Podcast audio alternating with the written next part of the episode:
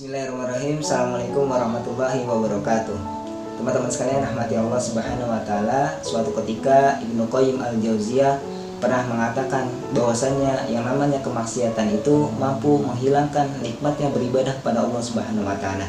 Suatu ketika ada seorang murid bertanya kepada gurunya, "Wahai guruku, aku ini kesulitan sekali dalam menghafal Quran." Kemudian guru tersebut mengatakan, "Wahai muridku, beristighfarlah kepada Allah, bertobatlah kepada Allah, mohon ampunlah kepada Allah Subhanahu wa taala. Karena ilmu itu tidak akan Allah berikan kepada orang-orang yang senantiasa berbuat maksiat kepadanya karena ilmu adalah sebuah cahaya. Maka teman-teman sekalian mati Allah Subhanahu wa taala, jika hari ini kita ingin diberikan kemudahan oleh Allah dalam beribadah kepadanya, maka jauhilah perbuatan maksiat, senantiasa meminta ampun, beristighfar kepada Allah Subhanahu wa taala.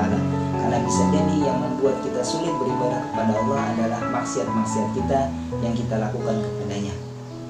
Assalamualaikum warahmatullahi wabarakatuh.